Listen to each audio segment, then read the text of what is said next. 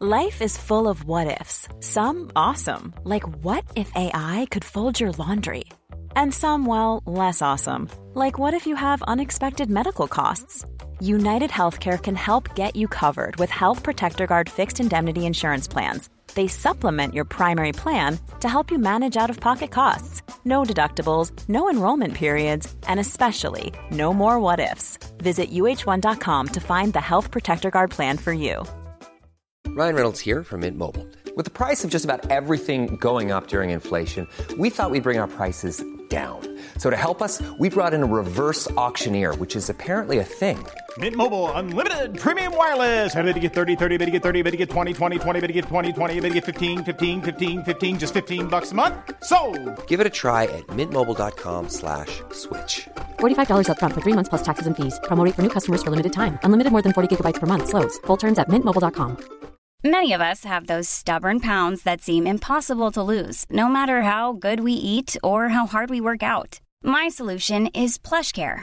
PlushCare is a leading telehealth provider with doctors who are there for you day and night to partner with you in your weight loss journey. They can prescribe FDA-approved weight loss medications like Wagovi and Zepbound for those who qualify. Plus, they accept most insurance plans. To get started, visit plushcare.com slash weight loss. That's plushcare.com slash weight loss.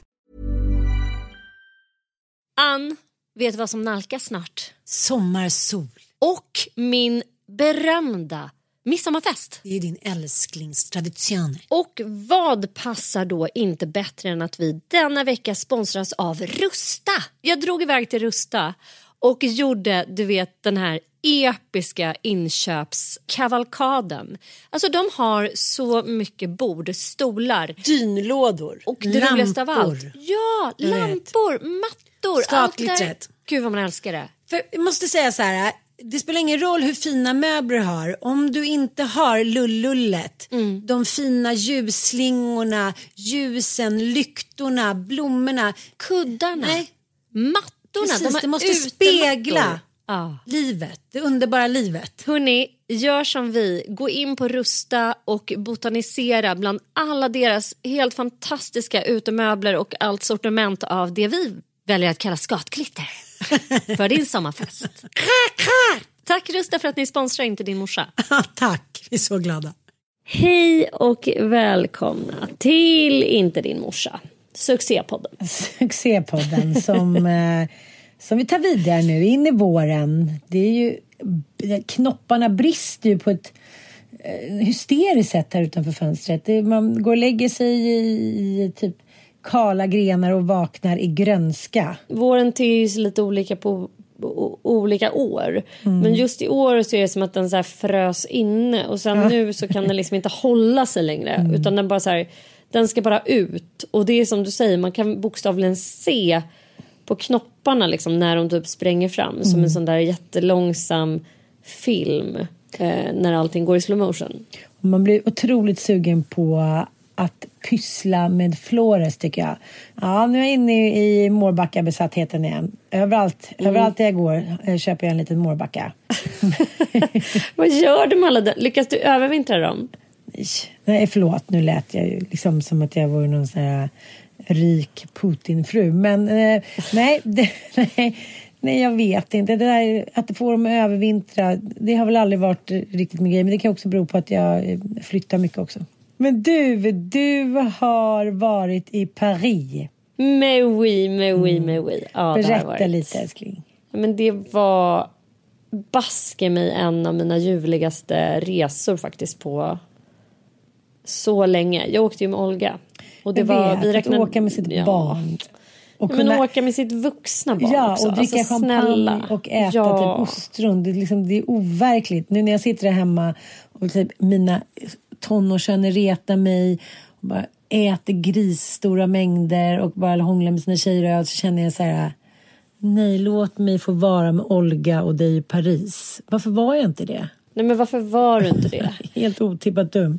Det var ju en sån walk down the memory lane för mig. För jag bodde i Paris när jag var lika gammal som Olga är nu. Just det, just det. Så jag bodde ju där ett halvår och eh, vi besökte liksom vår gamla lägenhet. En av mina så här, största, vad ska man säga, bitterheter eller en av de grejer som jag ångrar mest i hela livet faktiskt. Att jag och Sofia Edgren, vi lyckades då av någon sjuk anledning, jag vet inte hur det kom sig, men vi, vi lyckades eh, haffa ett förstahandskontrakt på Rio Oberkampf i elfte distriktet i eh, Paris. Och vi eh, bodde i den här lägenheten som liksom var byggt ett så gammalt vackert franskt hus med fransk balkong in mot gården. Och den kostade så här, jag tror den kostade typ 3 och 2 i månaden. En etta med kokvrå. Ah. Mm. Alltså det var ett förstahandskontrakt i liksom Frankrikes huvudstad. Nej men det var så här, nej men du fattar inte. Och vi, eh, när vi flyttade därifrån så bara vi hade ju liksom noll konsekvenstänk, noll, eh, noll känsla för stil heller. För Mm. vi gick inte ens och sa upp den här lägenheten. Vi bara drog därifrån och slutade typ betala hyran. Så jag är alltid lite rädd om jag skulle liksom koppla upp mig mot franska myndigheter att jag har en så gigantisk hyresskuld som ligger hos motsvarigheten till deras kronofogde typ. Okej, och okej. elskuld. För att det, vi hade ju ett elabonnemang också och jag tror inte ens att vi stängde av elementen. Nej, men vi så korkade. Och vi hade ju kunnat ha kvar den där lägenheten och hyrt ut den på Airbnb och liksom haft en underbar liten lägga i Paris. Men det, så långt tänker man inte när man är i den åldern. Man har liksom noll förmåga att fokusera, planera och göra det bra för sig själv, vilket är så sorgligt. Och då kan jag också tänka på mina föräldrar i den åldern att så här, varför hade jag inte en mamma eller pappa som var så här, stopp ett tag, vad händer? med-" Alltså det hade jag ju gjort till mina barn. Om de hade liksom haft ett förstahandskontrakt i Paris som dem, då skulle jag sagt stopp för fan. Men mina föräldrar de hade liksom noll koll på vad jag ens gjorde där. Nej men det är det jag menar och det var också lite så jag kommer ihåg när jag skulle flytta hemifrån då ringde pappa någon så här, sin golfpolare som hade lite kontakter och som liksom jobbade som fastighetsskötare och vips hade liksom jag en etta i Sköndal och syrran en tvåa i Hökis. Ja. Så det var ju liksom inte samma galenskap då. Nej, det var ju så här, det var så här, men det kan vi få ett förstahandskontrakt någon annan gång typ. Alltså det, nej men jag håller med, det är klart att det var en annan tid. Ja, skit i det, det var i alla fall så underbart att bara få glida runt med min numera då vuxna dotter och få göra Paris med henne och konstatera att vi har ju också så här så kompatibla intressen från du vet eh, att befinna sig i så här, testolandet med två tonårsgrabbar och sen så Foxen som ju är någon slags liten grabb som bara vill åka cross hela tiden och sen pappa Testo. Alltså jag, mitt liv hemma här på Stora Lundby består ju av ett liv med män liksom. Mm. Here you sis. Mm, you, you hear me. Ja, men du, är- du har ju samma situation. Och eh, jag, det var så jävla ljuvligt att bara få vara i ett feminint universum. För hon hälsade ju på sina kompisar som bodde där också. Så vi liksom hängde med hennes kompisar och de uppskattar ju samma saker. Det är så små goda eh, bistråer, att äta en så här liten underbar frukost, att bara sätta sig och ta en kaffe, att eh, leta sig fram till den mysigaste innergården i Marais för att eh, inmundiga liksom en oerhört enkel men ändå fabulös lunch med liksom ett glas krispigt Sancerre i solen. Alltså hon njöt lika mycket som jag av det. Och det är många som inte ens skulle njuta av det. Vi var inte på ett enda museum. Vi shoppade inte en enda grej. För, nej jag vet och det är också så jag bara tack gode gud mitt barn har liksom alltså jag, inte, jag tycker inte att det är så kul att shoppa. Jag, jag är ingen shoppare. nej, jag inte, nej, jag, jag, när vi var där så gjorde jag faktiskt, jag kände så här, gud jag måste jag ha med mig något hem. Mm. Så kom jag och köpte någonting, liksom, någonting till smågrabbarna. Men nej, jag är inte heller faktiskt särskilt mycket inne på shopping längre. Nej, nej. Nej, alltså shoppa kan jag lika gärna göra hemma på Vestiaire. Alltså jag behöver inte glida runt i liksom butiker. Vi har ju, allt finns ju på nätet på något sätt. Och vi gick heller inte på ett enda museum. För jag kan verkligen uppskatta att gå på Louvren en hel dag liksom. Men Paris är ju för fan som ett enda stort museum. Bara att gå runt i den där staden. Ja, och det, det är som du säger, man har ju varit på alla museum. Så det är inte heller att man känner sig som en dålig kulturtant om man inte gör det en gång. men jag tror att det handlar om att när jag var där med, med, med Dante och hans PS4 mm. och Ossian som var uppe liksom i varv för att han, för, för, att han hade varit ute och seglat. Då blev det lite som att jag eh, Alltså jag fick en låsning att så här, nu ska vi gå på Louvren, nu ska vi gå hiten och ditan bara för att de var så motvall. Så var så här, vänta jag ska vara ute och jogga, vänta jag ska bara köpa en Coca-Cola, vänta. Man bara säger nej, nu är vi här i kulturens huvudstad, ni är här för första gången. Skit i Coca-Colan, skit i joggingturen, nu går vi på Louvren. Det är första enda gången jag rymde i vredesmod. Och, eh, och bara säger fuck you typ, jag drar, skit i det, jag, jag vill inte vara mer typ. Eh, men då blev det ju fart inom typ en kvart de ställde sig på varsin boj och stod välkammade och eh, intresserade av, av Picasso och Michel, Michelangelo. Ja, nej, det, det, det är just det där att den här inre rastlösheten. Och nu, jag måste få gå tillbaka, liksom, sätta på mig de biologiska liksom, vademalsbyxorna. För att det är så här, nu är det gjort, nu är det gjort. Vägen till målet är enligt min lilla liksom, fjärnsyn på män inte så intressant. Utan det ska checkas av bara. Checkas av. Checkas av. Och det spelar ingen mm. roll om det handlar om mm. sex eller liksom köpa med fredagsmys eller städa eller planera en resa. Det är så här, okej okay, nu är vi här. Check. Men medan en annan är så här, det underbara som du säger, att hitta den mest pittoreska och franska kullerstensbakgården där man kan ta den ljuvligaste lilla kaffe latin. Det är ju lika underbart det. Liksom. Ja. Men det har, det, det har jag hittat få män, som förutom faktiskt bögar, ursäkta, som uppskattar detta. Nej men jag håller med. Mm. Alltså det, det är mycket som, som bara ska rivas av. Mm. Liksom. eh, och sen ska man så få gå och lägga sig på hotellet. Alltså det, mm. det är väl olika. Man kanske inte ska generalisera men Nej. jag håller med dig. Förlåt jag har inte, mig, inte uppskattat män. det. Nej, Nej, inte alla män såklart. Men mm. ja. Och inte alla kvinnor. Nästan alla. Ja. Men jag tyckte Men... det var så mysigt för att eh, jag ska börja läsa eller jag började lite igår läsa Anna Björklunds kvinnomanualen som har blivit en grand success och slut överallt och dit. Och eh, den har fått väldigt fina recensioner. Men så har den fått en, en recension av en man. Det blir inget konstigt med det.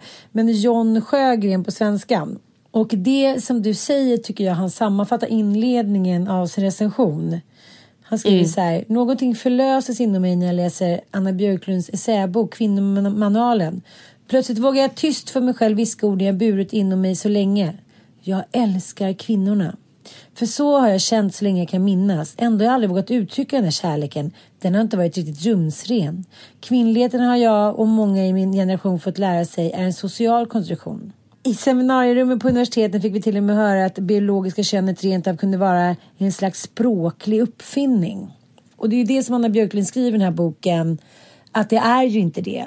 Att, eh, att det finns skillnader mellan kvinnor och män och eh, om man vågar omfamna det i den här världen eh, där allting ska vara liksom automatiserat och eh, ja men vad ska man säga? Mekanisk. Mekanisk, typ ja. ja. och jag tycker att det slog mig väldigt mycket att det ligger någonting i det. Så här, då gör vi nästa grej bara, då gör vi karriär, då föder vi ett barn, då klarar vi krisen, går till terapeuten. Att det är så här, saker och ting lite som checkas av utan att, att som du och jag har pratat om innan, att säga varför är det så mot min vilja att göra de här grejerna? Varför tycker jag att jag är våld på mig och mina barn när det på pappret ser så bra ut och alla ger mig ryggdunkar liksom? Det, det är väl det hon, hon, skriver om i den här boken, allt från liksom Bibeln till, Bibeln till bantning. Uh, och det slår mig också hur mycket av det moderna samhället slår an på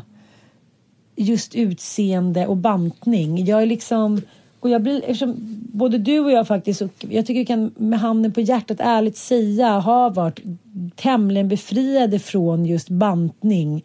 Kanske inte från Bibeln, men just bantning. Så, så blir jag, alltså det är som att jag kliver in i en helt annan värld när hon skriver om att hon och hennes kompisar då haft olika liksom eh, trådar då på på liksom, eh, ja, men, trådar på nätet där de har suttit och gått igenom då i kodord hur man kan banta, hur man kan liksom hon beskriver hur länge hon har klarat av att inte äta och vad det, liksom, hur det har påverkat henne. Och så en gång i veckan då så träffas de för att äta för annars blir livet för tråkigt. Så här, det är bara, liksom, måste vi, vi kan inte ha det så här längre. Att det är så jävla mycket som kretsar kring kvinnors intag av mat. Det är liksom för futtigt. Mm. Är du mm. med mig? Är du med mig? Att det, så här, det verkar liksom, ju mer litteratur jag skriver om kvinnor, om deras ungdom och framtid så, så, det, så ofta jag återkommer till just den här raden. Det är så mycket av mitt liv som upptagits av liksom, tanken på vad jag ska äta och inte på bantning. Och det gäller varenda kvinna. Smart som osmart, kulturell som okulturell. Alltså, att det upptar mm. så otroligt mycket tid av kvinnors liv att tänka på vad de inte får äta. Men det är väl en del, om man nu tänker på att det skulle kunna finnas då typiskt kvinnliga egenskaper och att jag älskar liksom kvinnor och, och vad, mm. vad det här kvinnliga egentligen är. Vad är det egentligen? Mm. Och just den här besattheten vid mat eller intaget av mat versus då liksom svälten för mm. utseendets skull och rädslan för att bli tjock och allt det där. Mm. Det har gjort att jag känner mig alienerad från mm. kvinnligheten. Mm. Förstår du vad jag menar? Mm. Jag, då känner jag sådär, men nej på det sättet är jag nog rätt manlig. Alltså jag, Just den där matgrejen, alltså den mm. har aldrig varit... Jag vet att jag vid något tillfälle, jag hade någon granne som var några år äldre än mig som höll på och skulle börja banta och, och typ jogga och skulle ha mig att följa med mig ut och jogga. Det är roligt att jag och Olga faktiskt pratade om det här i Paris. Hon bara, nej men gud, det var när jag umgicks.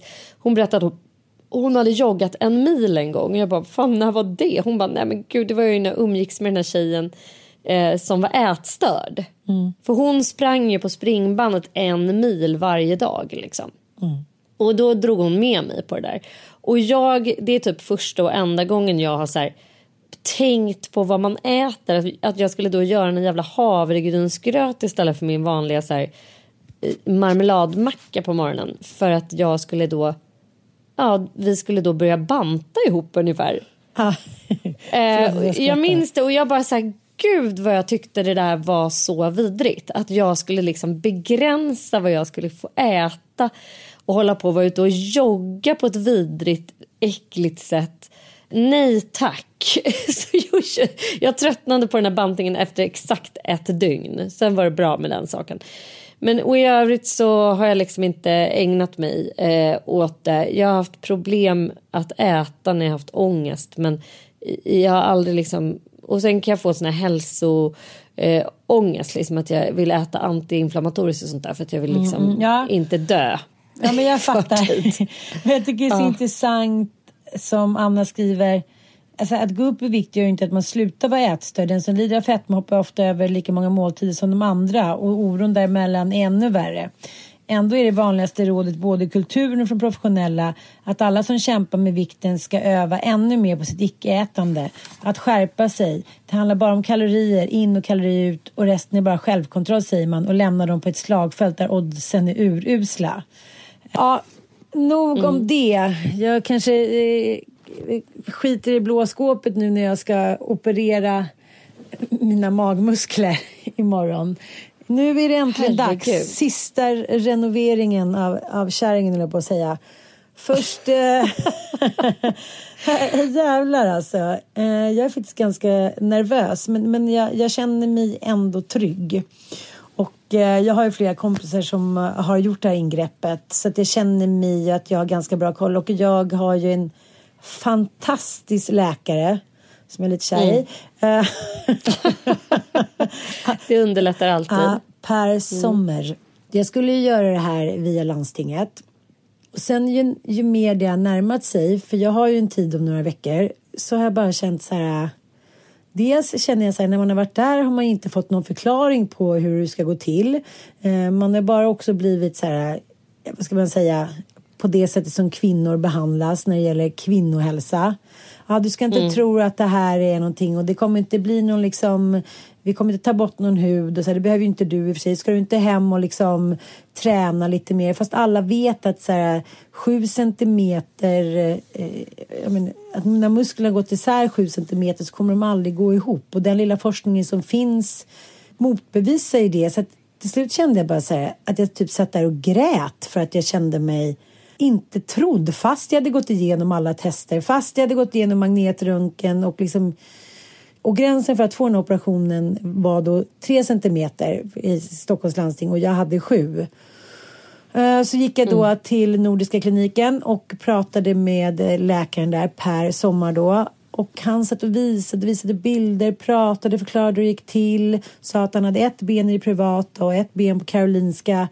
Och så kände jag bara så här, nej men nu vågar jag göra det här. För det tycker jag är inte så himla konstigt att man tycker att det är läskigt att man ska sövas och sys ihop i magen och sådär. Så att eh, det handlar ju också om att, att känna sig trygg. Och sen har jag sett lite kompisar som har gjort det på landstinget och då är det ändå liksom Ja, eftersom inställningen är att man går dit och sen syr man ihop det och sen får det se ut lite hur fan som helst för att man är ju ändå kvinna och man har ju fått barn på något sätt. Det är väl liksom så att vi har väl gemensamt bestämt att utseendemässiga operationer ska Nej. inte bekostas liksom av landstinget om det inte eller landregionerna om, om det inte är till exempel så här, att rekonstruera ett bröst efter bröstcancer för det tror jag man får göra i alla fall. Eh, Ja, eller om man liksom har fått någon, någon allvarlig så, skada i ansiktet då kan man få, få det re- rekonstruerat. Men, men liksom, jag som har ganska allvarliga åderbråck till exempel Mm. får inte det bekostat i Stockholm, i Region Stockholm i alla fall. Men eh, en kompis till mig som bor i en annan region fick sina åderbråck bortopererade där för att där ansåg man att det förelåg en risk liksom, att hon skulle få ont eh, av det och försämrad blodcirkulation och sånt där. Så att det är lite olika också men jag förstår vad du menar att så här, när man ändå ska gå in och så skära upp i stort sett hela magen för att sy ihop magmuskler som har blivit separerade. Det är inte så kul att då få ett så här vanprydande ärr där istället då. Nej, men de, Typ. de kompisar jag, som jag känner som gjort det, en har ju fått som en liten påse som hänger över då eh, på grund Mm. av att huden, men när man syr ihop huden som har blivit uttint så kommer det ju såklart bli överflödig hud och det kommer ju de ta bort på mig liksom. Och Mm. då var det någon som sa så här, men gör först det och sen får du rätta till resten. Och då kände jag så här, varför ska det vara så himla tabu inom landstinget att de även kan fixa lite estetiskt. Varför ska det vara så här, ja men du och jag som läst kvinnohistoria, ja då får hon ta den här livmodern lite bylte utanpå kroppen, så äh, det där funkar väl. Det liksom, det, ska man inte ändra på den inställningen? Och vet du, jag pratade med Per om just åderbråck och för tio år sedan så fick man det Mm, jag vet, man fick av det. landstinget i Stockholm. Men nu, nej, eh, det var liksom lite too much. Eh, och då, då så får jag ställa mig liksom vissa så här frågor. Jaha, men som min, min, som med min förlossningsskada. Så här, jaha, men tycker inte män då att det där ska åtgärdas då för att ni ska få bättre sexliv? Ska staten betala det? Man så här, men gode gud. Om mäns snoppar liksom skulle gå så här, halka lite på sniskan eller liksom gå av lite, då skulle ju varenda snopp liksom fixa, fixas. Ja, men, en muskel i snopperdoni skulle gå av. Du vet, det skulle ju vara så mycket estetiska operationer och enlargement och fix och tricks. Inom ja. Det skulle liksom inte vara någon snack. Det skulle vara liksom vår, vår halva BNP skulle gå åt åt liksom kukarna. Men när kvinnor, nej. Jag vet inte, vad, vad, vad tycker du? Nej, jag tycker naturligtvis att det är så här, jag kan också förstå att så här, vi lever ju i ett samhälle nu när det går att rekonstruera, att fixa, att operera, att göra sig snyggare och så vidare. Och jag, jag har väl en väldigt liberal inställning till det. Samtidigt kan jag ju se att det påverkar unga människor på ett sätt som alltså, som är påverkansbara i mycket högre grad. Liksom att så här, det är typ, nej men gud, är man inte skitsnygg? Alltså en vidrig grej som vi fick eh, lite in, en inblick i, i eh, eh, när vi var i Paris. Och det här förekom även när jag bodde i Paris. Alltså det här var ju 22 år sedan som jag bodde där. Men de hetaste av de heta klubbarna om man skulle komma in på dem i Paris då skulle man gärna vara fotomodell. Eller bara jävligt snygg. Eller blond. Alltså att vara blond funkade väldigt bra. Så svenska tjejer gick liksom hem på de där klubbarna.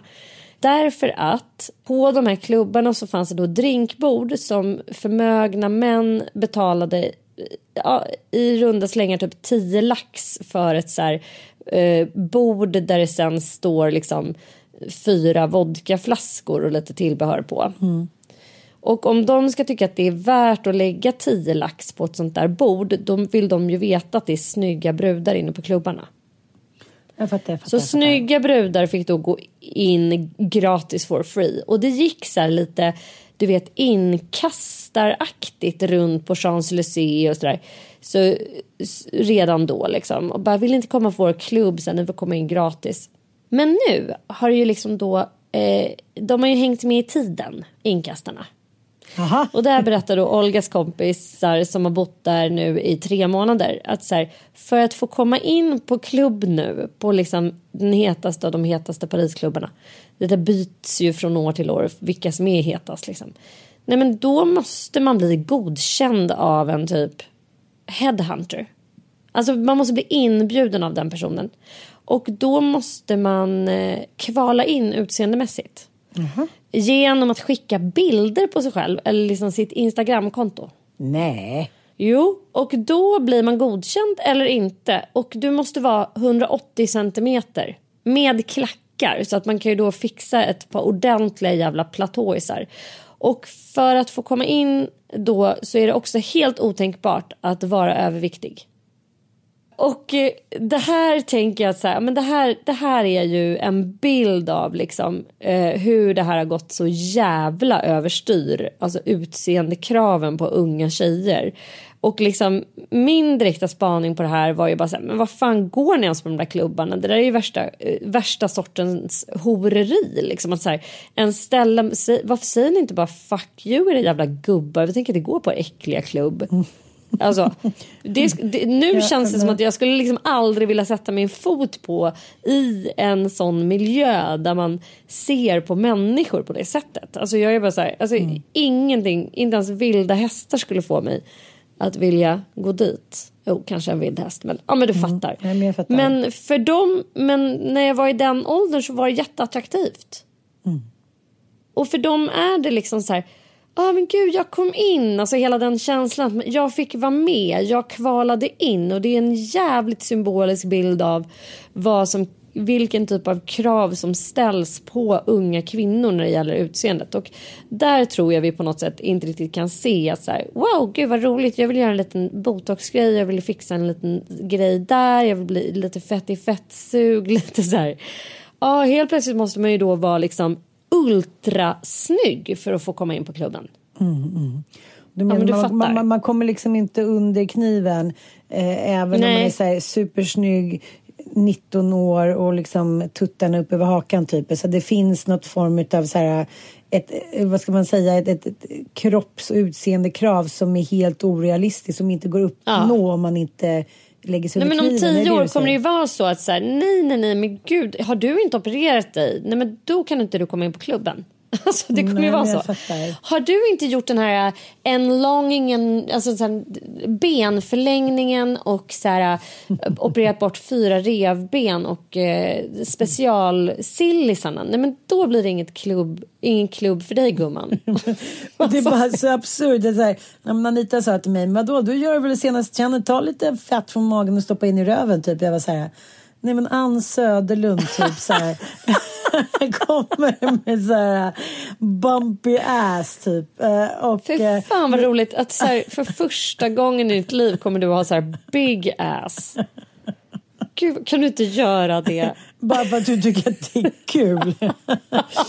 Nej men allting går ju att göra och liksom alla är ju skickliga. Men, men samtidigt känner jag så här när man söker på till exempel så här ja men eh, tummy tax och så, så kommer det upp så mycket så här eh, go to Polen, go to Istanbul. Jag bara så här, över min döda kropp att jag skulle liksom bara sätta mig på ett flyg och bara så här, tjena mittbena, kan ni fixa mina rattar eller kan ni fixa min mage? men det, men, så att det känns ju, eh, det, det är väl mycket liksom mun till mun metoden när det gäller allt sånt här. Men, men det som jag kan tycka ändå är att dels att man kommer dit och inte liksom bara är en i mängden och är så här, alltså in här, ut här, nu är det klart, du ska inte tro att det här ska liksom, att det här ska vara för din skull utan det här gör vi bara för att här, landstinget har sagt att kvinnor ska få lite hjälp. Och jag tycker det är så konstigt för läkaren som skulle operera mig då på Ersta sjukhus, hon var ju så här, ja men du vet, 40 år, själv mamma och ändå så kände jag så här nej men det här är inte värdigt hur hon liksom ändå ska ha, så checka av mig lite om inte jag försöker liksom sno landstinget på pengar. Är du med mig? Mm. Per Sommar då på Nordiska kliniken, jag ska, han visade ju då massa bilder och visade de här bilderna på kvinnor som har fött många barn och kanske gått ner i vikt och, så, och magen hänger så att man liksom inte kan ha ett par byxor och, eh, eller kvinnor som inte har några bröst. Och så alltså, på ett sätt är det ju... Det kanske låter liksom paradoxalt men också ett, liksom en feministisk handling att så här, inför sig själv tänka sig jag kommer aldrig mer visa mig på en badstrand, jag kommer aldrig hänga med på jobbet, jag kommer aldrig mer vilja ha sex med en kille. Och så får de den här hjälpen och liksom på ett sätt tror jag faktiskt ändå kan börja nya liv. På det sättet tycker jag ju att plastikkirurgi är helt fantastisk. Mm. Att det verkligen kan hjälpa människor som Ja men samma sak med min, min förlossningsoperation. Eh, att så här, men jag pratade med en kvinna nu igår på lunch. Hon bara, Gud, nu, nu har jag opererat mig tre gånger för, eh, för förlossningsskada och det blir liksom inte bättre. Jag får fortfarande sitta med en tumme i röven för att kunna bajsa liksom.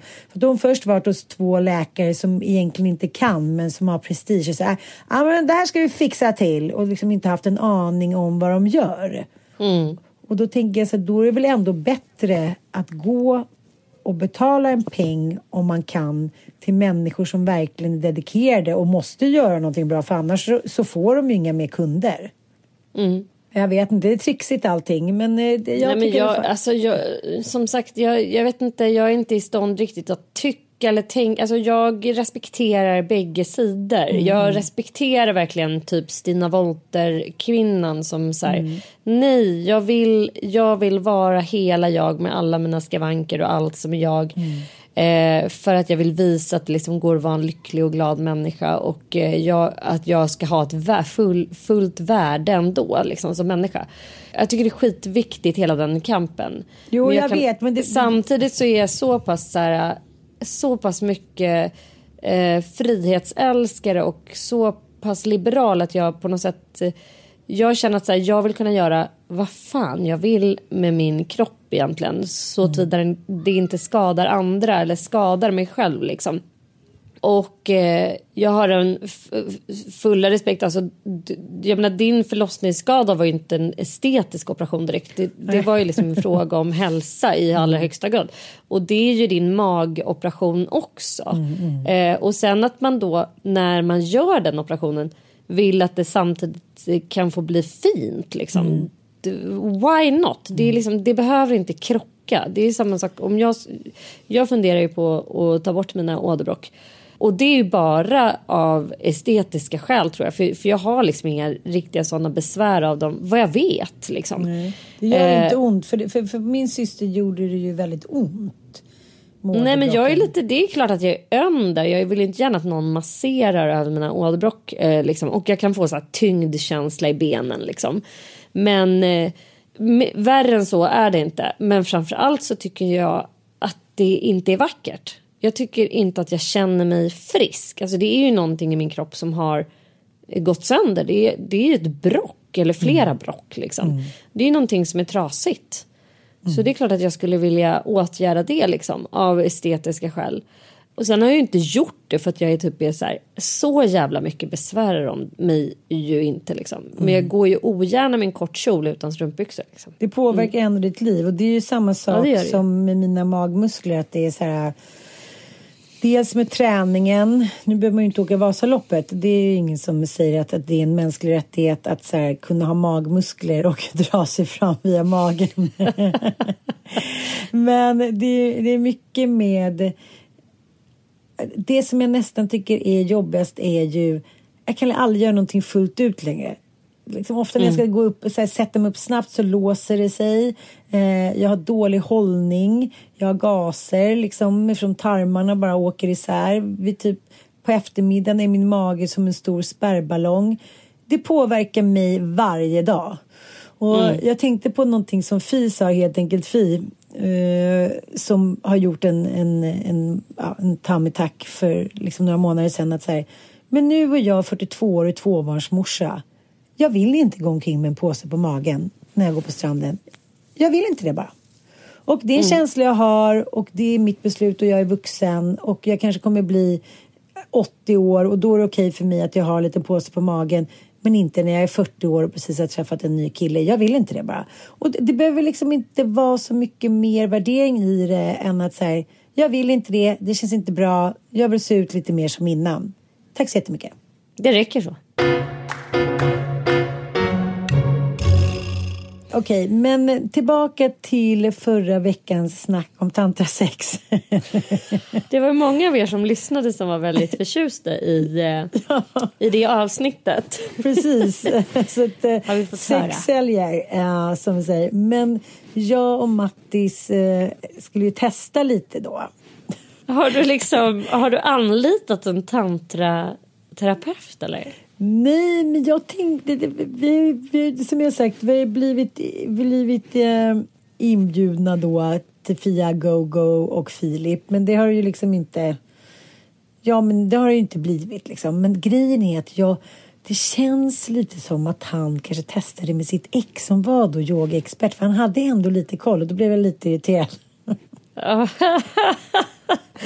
men, men då i alla fall, alltså vi, eh, vi satt mot varandra och då var övningen att man skulle liksom eh, man får inte kyssa varandra då och man får inte liksom eh, röra varandra utan man, ska hålla- varandras händer och föra då mot chakrat i cir- cirklar liksom. Men när man gör såna grejer då känns det bara hela tiden så att man sitter i en sketch. Så då blir det lite som att man börjar skratta.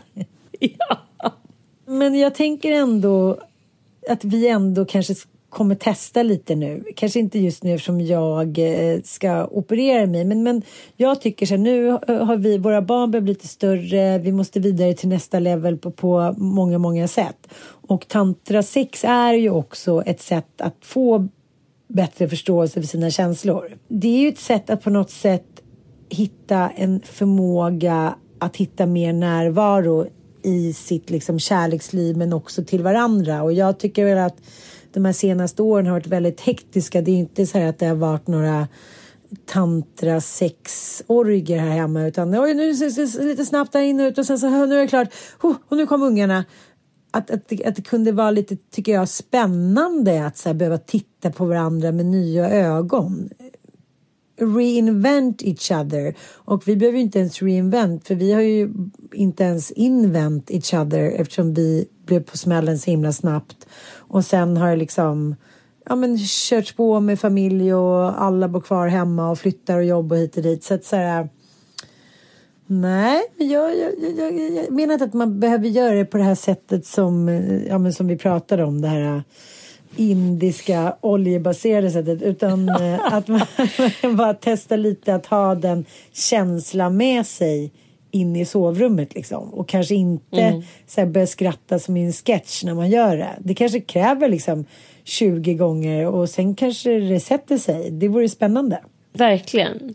Fan vad jag eh, vill höra uppdateringar om det här känner jag. Och känner inte du lite så här också, nu är ju Foxen och Frasse fortfarande små, men, men sen är i alla fall min tanke att jag kommer inte ha några fler barn och det öppnar sig ju en ny, lite läskig värld också. Så här, okej, vad gör man nu då med de så här tio nästkommande åren? Man kanske inte kan dra och tågluffa och knulla runt, man kanske inte ska så här, sitta och dra liksom eh, en spliff på en strand i Thailand. Så här, vad, vad ska man göra? Eh, hur tänker du? Vad tänker du att du vill göra? Jag, det enda jag återkommer till är att jag vill åka och jobba. Jag vill åka med dig typ och skriva böcker. Jag vill plugga, jag vill lära mig mer. Det är den... Jag hade en riktig depressionskväll igår när jag bara satt vid köksbordet och bara så här. Jag måste få skriva en bok utan att någon stör.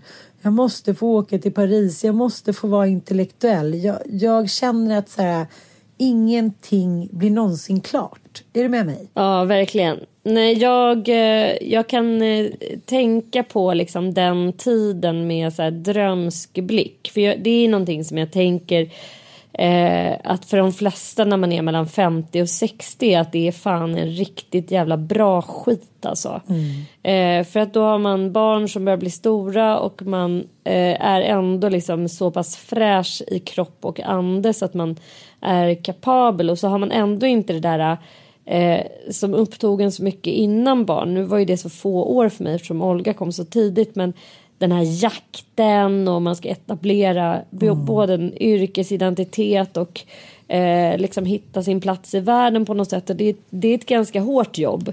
Så att nu är det mer bara att så här, förvalta och förädla typ det som man redan har hittat och att man kanske mm. har tio riktigt jävla underbara år när man mm. kan göra det utan att bli störd som du säger. För det kan frustrera mig otroligt mycket. Jag har ett arbetsrum här som jag liksom in, inredde för ett år sedan. Så gjorde vi liksom en liten rokad där hemma.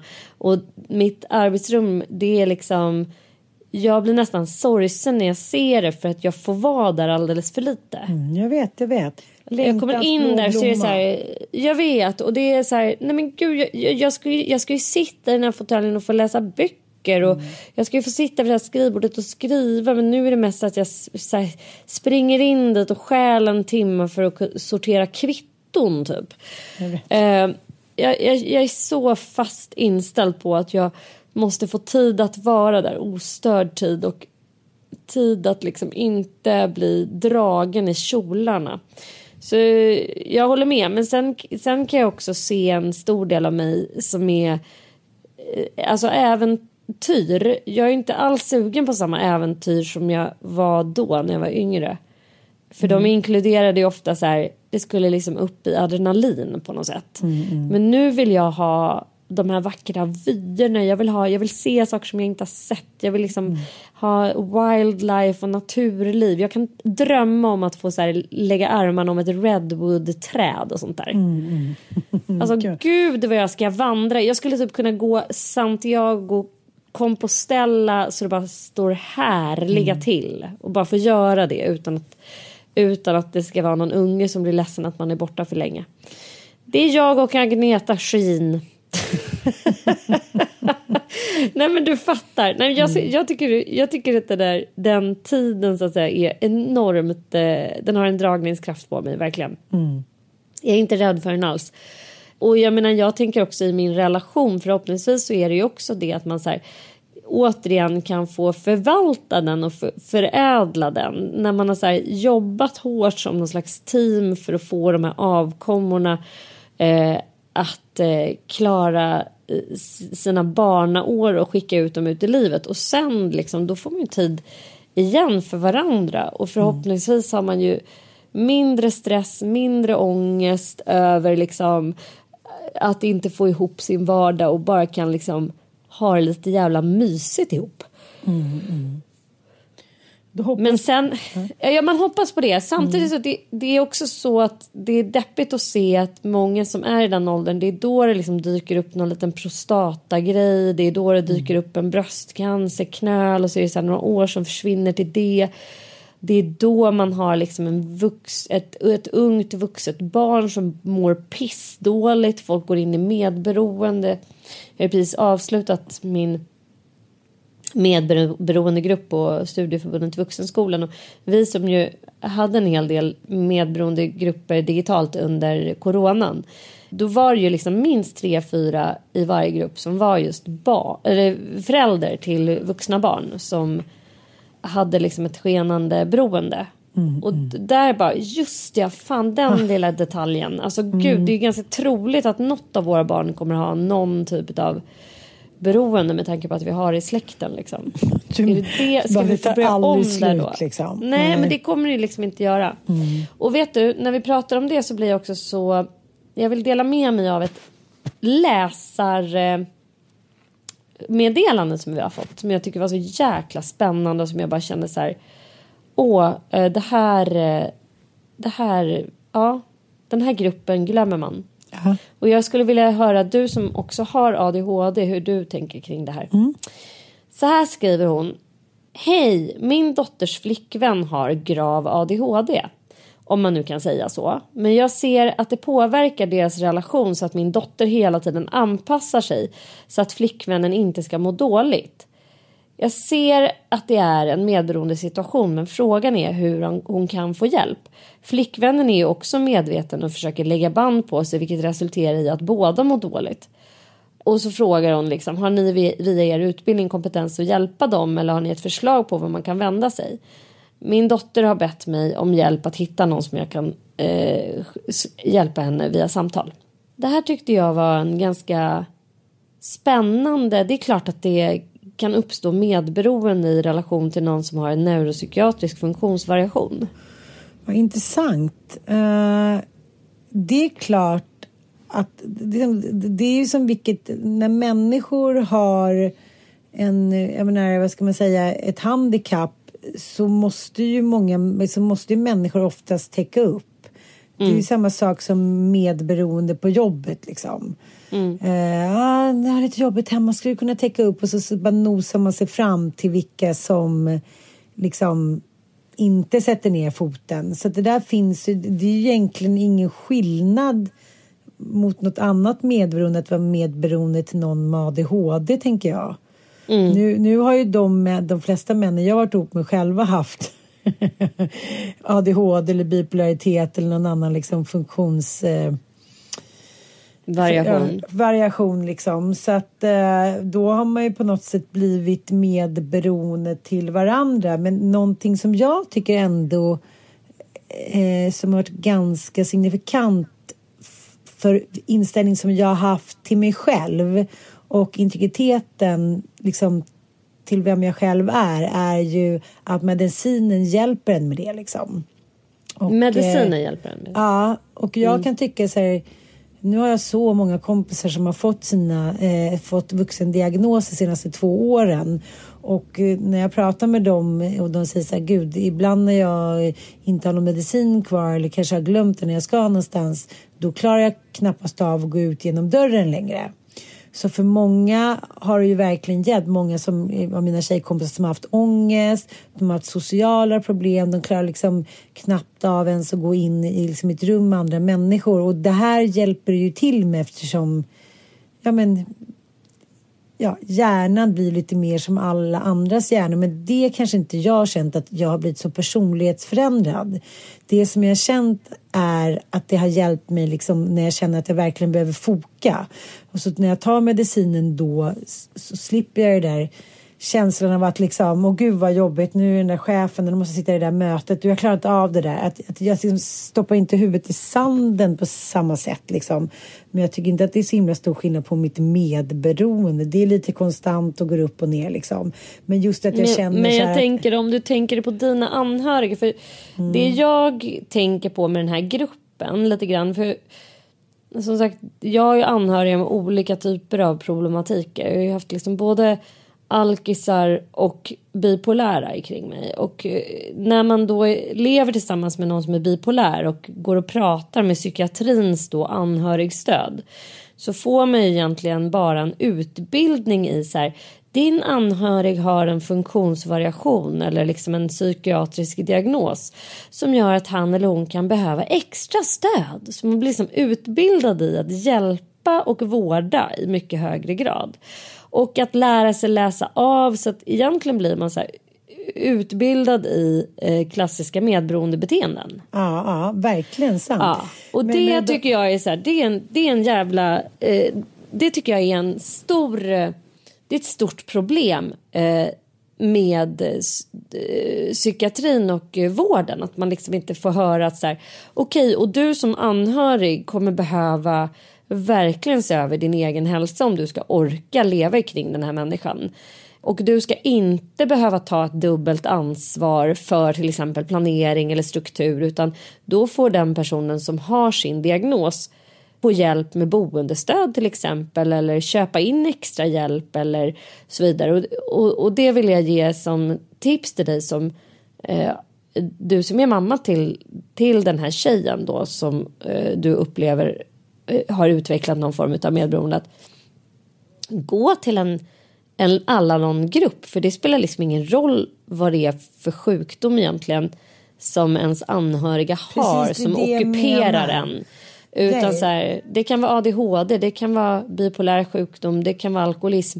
Medberoendet ser ju likadant ut. Det vill säga att man överanpassar sig till en annan människa.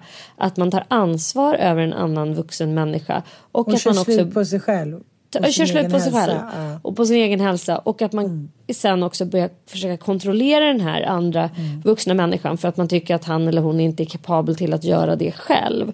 Och till slut är man ju då inne i den här klassiska djävulsdansen. Så medberoendet eh, kan existera eh, även när det gäller fysiska sjukdomar eh, som man har en anhörig som till exempel har re- reumatism eller någon som har en ryggmärgsskada och sitter i rullstol. Att man liksom bara helt upptagen av att eh, sin anhöriga står sjuk, sjuka situation. Så att eh, sök hjälp för medberoende eller peppa din dotter att söka hjälp för medberoende. Eh, som sagt, finns ju massa hjälpmedel att få. Man kan ju få hjälp via landstinget att gå och prata och få hjälp älskling, jag vill bara säga dig en grej. Det heter inte landstinget, det heter regionerna. Det har det gjort i eh, fem år. Nu har Sanna precis rättat mig och jag är lite trött och jag ber om ursäkt. Jag har sagt landsting istället för regionerna i hela den här podden och det, det har tydligen hetat region fem år. Där, är du lite, där har Sanna mycket bättre koll än vad jag har. Men, men att man kan ju också få hjälp av regionerna med ja, hjälp hur man ska, liksom, hjälp i vardagen, allt från appar till liksom listor till hit och dit. Och jag eh, och Mattias ska nu gå till en eh, ja, privat aktör. Hon är liksom eh, Ja, men hjälper en med så här, ja, hur, ser det, hur ser det ut hemma hos er då? Och som jag har en kompis, hennes kille har ADHD och hon har ADD. Så att när, när de kommer hem då vill ju han liksom fortsätta så här, masha och hon vill ju bara så här, gå och lägga sig och dra en, en vet, filt över huvudet.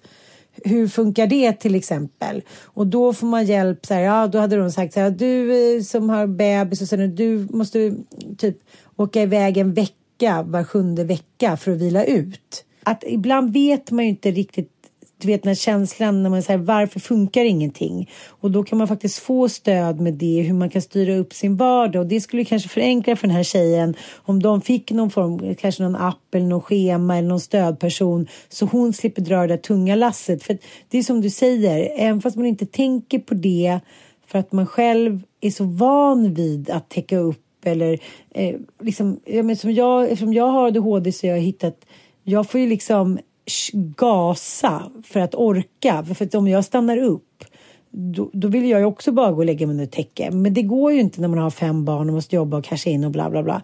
Så det, det finns massa olika hjälp att få istället för bara köra in, liksom gå in i väggen.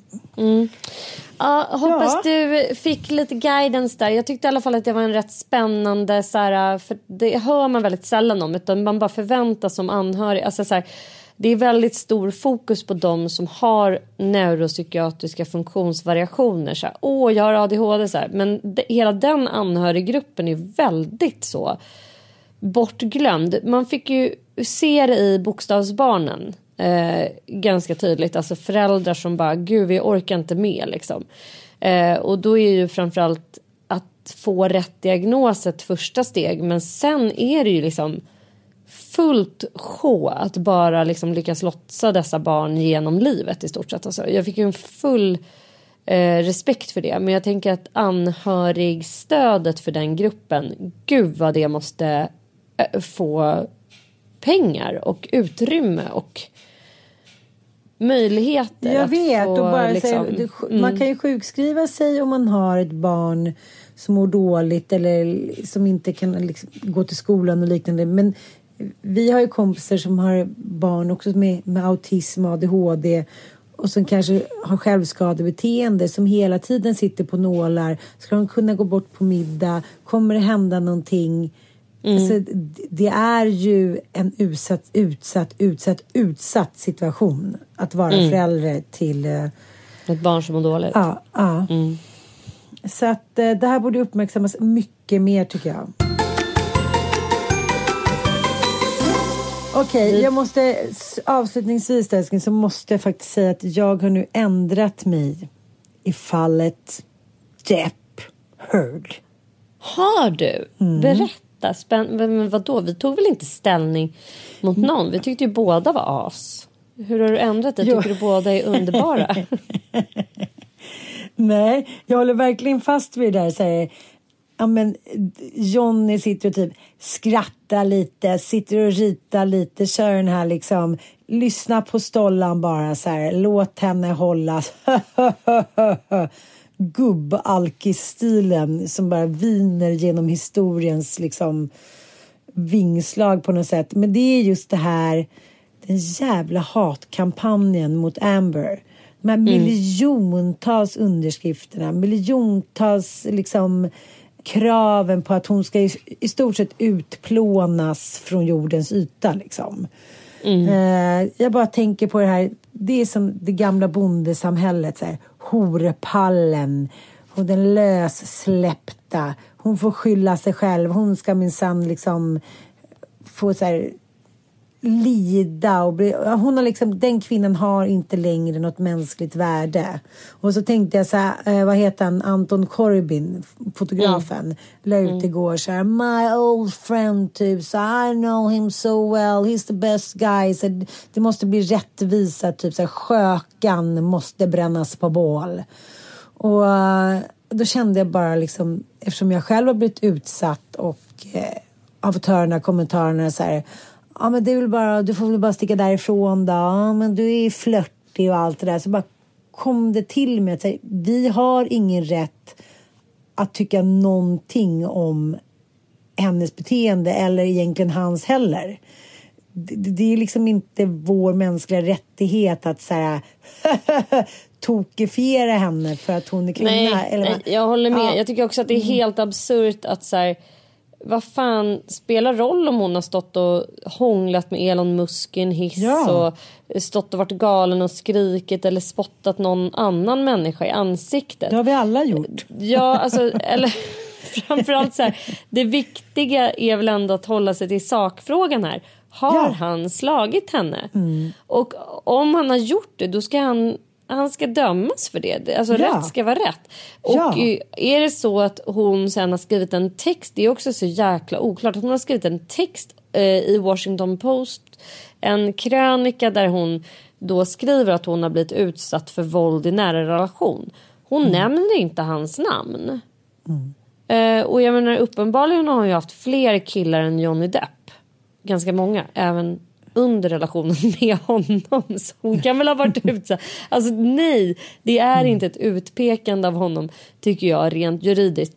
Mm, så att bara den grejen är helt absurd att han ska så att stämma henne då på 50 miljoner och sen stämmer hon honom då eh, mot motstämningen. Liksom. Nej, men det är en absurd cirkus och det är en sån eh, vidrig eh, liksom häxbränningsprocedur av henne. Jag håller helt med.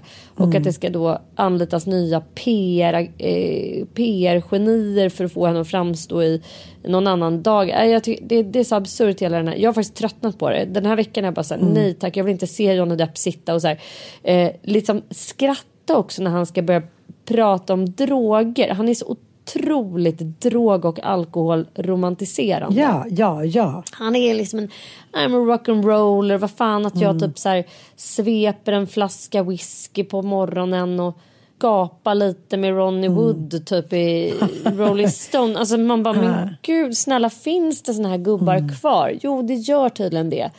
Och, och som tycker att li- livet ska levas glatt typ.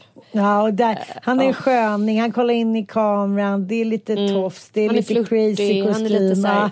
Han är lite blyg, han kommer lite undan lite vad som helst. Ja.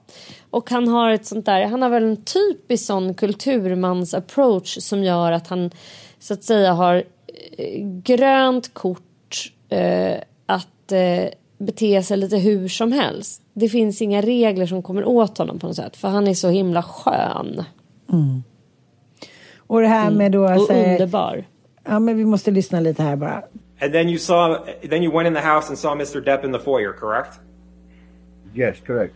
And Mr. Depp was trying to urinate in the foyer, wasn't he? No. Mr. Mr. Depp had his penis out of his, pa- out of his Objection. pants, didn't he? I think I would remember Relevance. seeing Mr. Depp's penis. I- I'll allow it. Next question. And you were trying to get Mr. Depp out of the house, correct?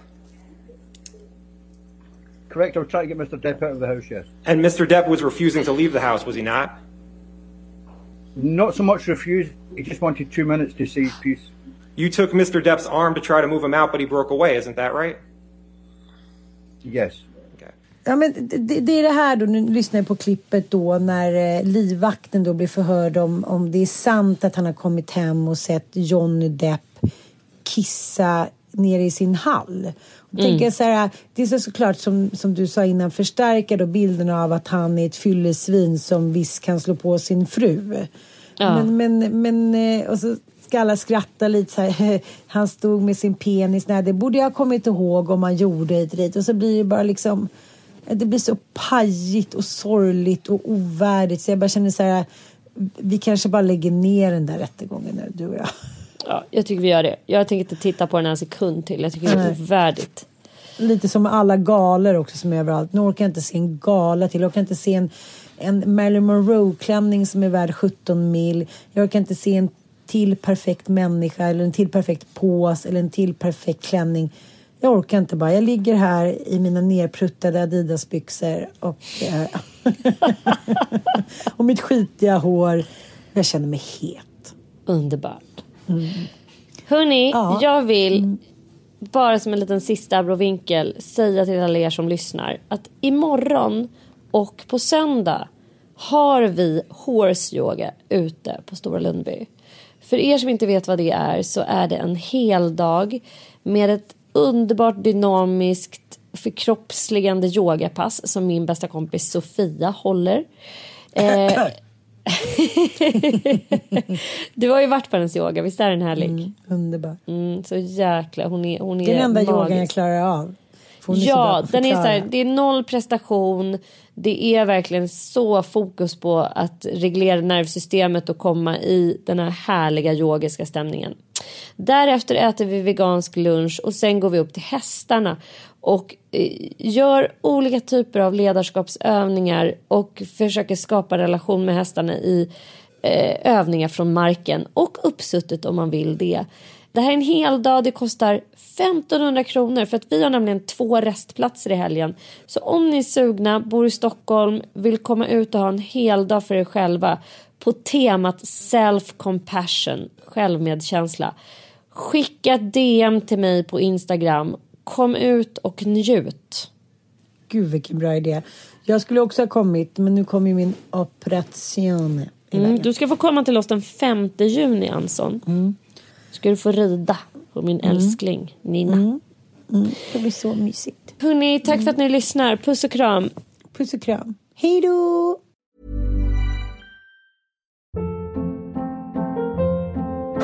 Hold up. What was that? Boring. No flavor. That was as bad as those leftovers you ate all week. Kiki Palmer here, and it's time to say hello to something fresh and guilt-free. Hello Fresh. Jazz up dinner with pecan-crusted chicken or garlic butter shrimp scampi. Now that's music to my mouth. Hello Fresh. Let's get this dinner party started. Discover all the delicious possibilities at hellofresh.com.